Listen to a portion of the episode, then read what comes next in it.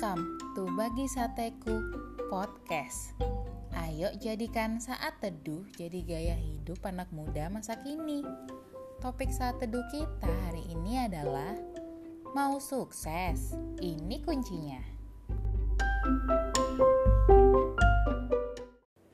Ayo kita buka Alkitab kita di 1 Yohanes 5 ayat 14 yang berbunyi, Dan inilah keberanian percaya kita kepadanya, yaitu bahwa Ia mengabulkan doa kita jikalau kita meminta sesuatu kepadanya menurut kehendaknya.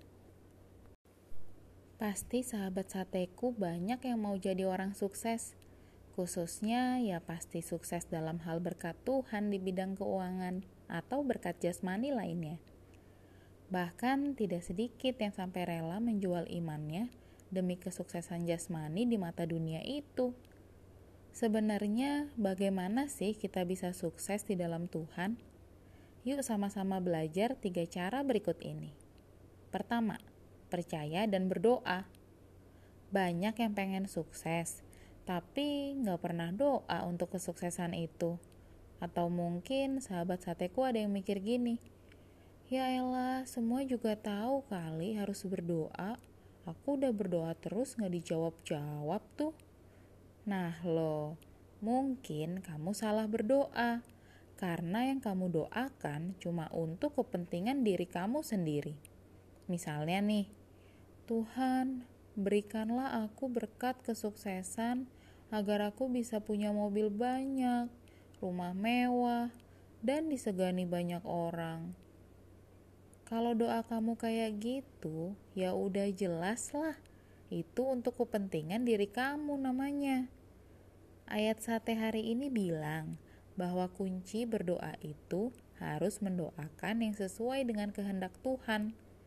Coba pikir-pikir, kalau di dalam doa aja langsung mintanya mobil banyak atau rumah mewah kayak gitu, sebenarnya motivasi doanya tuh apa sih? Itu doa apa nodong Tuhan sih? Apa iya itu sesuai kehendak Tuhan? Atau jangan-jangan Ya kamu cuma mendoakan keinginan daging kamu aja. Yang kedua, berusaha. Mungkin kamu juga berpikir, aku udah bener kok berdoanya sesuai kehendak Tuhan, tapi kok belum berhasil juga tuh doaku juga belum dijawab. Capek ah kalau kayak gini. Hello, ya iyalah doa kamu belum dijawab Orang kamu berdoa doang tapi gak pernah berusaha. Doa terus tapi gak pernah ada usaha mah ya sama aja bohong. Isi doanya sih, Tuhan berkati aku dengan berkat yang daripada Tuhan saja. Aku rindu Tuhan pakai aku menjadi alatmu untuk memberitakan Injil dan menjadi berkat bagi banyak orang. Lah, tapi nyatanya kita baca Alkitab males-malesan gak mau ikut kelas pendalaman Alkitab, gak masuk ke komunitas pelayanan, cari kerjaan juga males. Sekalinya daftar kerja terus ditolak, eh langsung nyerah. Terus kerjaannya cuma jadi tim rebahan, ngegalau, atau main game, atau nonton YouTube gosip tiap hari. Ya gimana Tuhan mau berkati dan pakai kita kalau kita nggak mau mempersiapkan diri. Firman Tuhan katakan di Amsal 10 ayat 4, tangan yang lamban membuat miskin, tetapi tangan orang rajin menjadikan kaya. Jelaskan kalau kita juga harus tetap usaha. Tapi ingat, usahanya bukan sekedar usaha loh. Ayat di kitab Amsal tadi bilang, kalau orang rajin menjadikan kaya. Jadi, usahanya juga harus rajin jangan gampang nyerah dan harus tetap konsisten berusaha ya. Yang ketiga, berserah. Nah, di sini ini nih kita sering salah langkah. Kita udah berdoa dan berusaha, tapi belum juga berhasil. Akhirnya kita jadi mikir kalau Tuhan gak sayang kita lah, Tuhan jahat lah, dan akhirnya berujung kita meninggalkan Tuhan.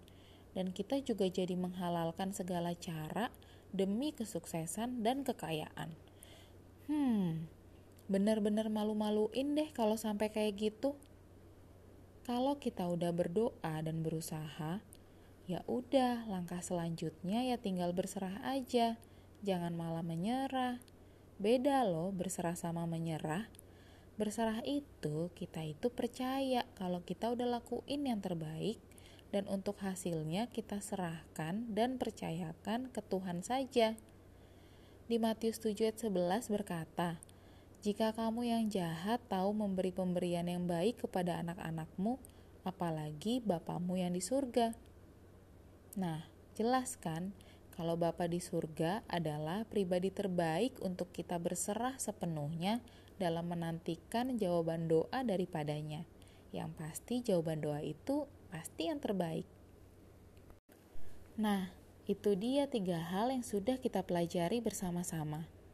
Tapi ingat, Tiga hal ini harus didasari dengan dasar prinsip yang benar, bahwa bukan kekayaan yang menjadi tujuan kita mengasihi Tuhan. Dan sadarilah, jangan jadikan tujuan kekayaan itu yang terutama, tapi harus tetap jadikan Yesuslah segalanya. Sama seperti Zakheus ketika berhasil bertemu pribadi Yesus, perjumpaan pribadi dengan Yesus itu membuat dia menyadari bahwa semua harta yang dia miliki gak ada artinya dibandingkan dengan perjumpaan dan hubungan yang indah dengan pribadi yang sangat luar biasa, yaitu Yesus Kristus. Jadi, sukses di dalam Tuhan itu ukurannya bukan dari kekayaan dan kesuksesan di mata dunia, melainkan pengenalan akan Kristus Yesus dan mengerjakan kehendaknya dalam hidup kita. Rasul Paulus juga pernah berkata, "Malahan segala sesuatu kuanggap rugi, karena pengenalan akan Kristus Yesus Tuhanku lebih mulia daripada semuanya."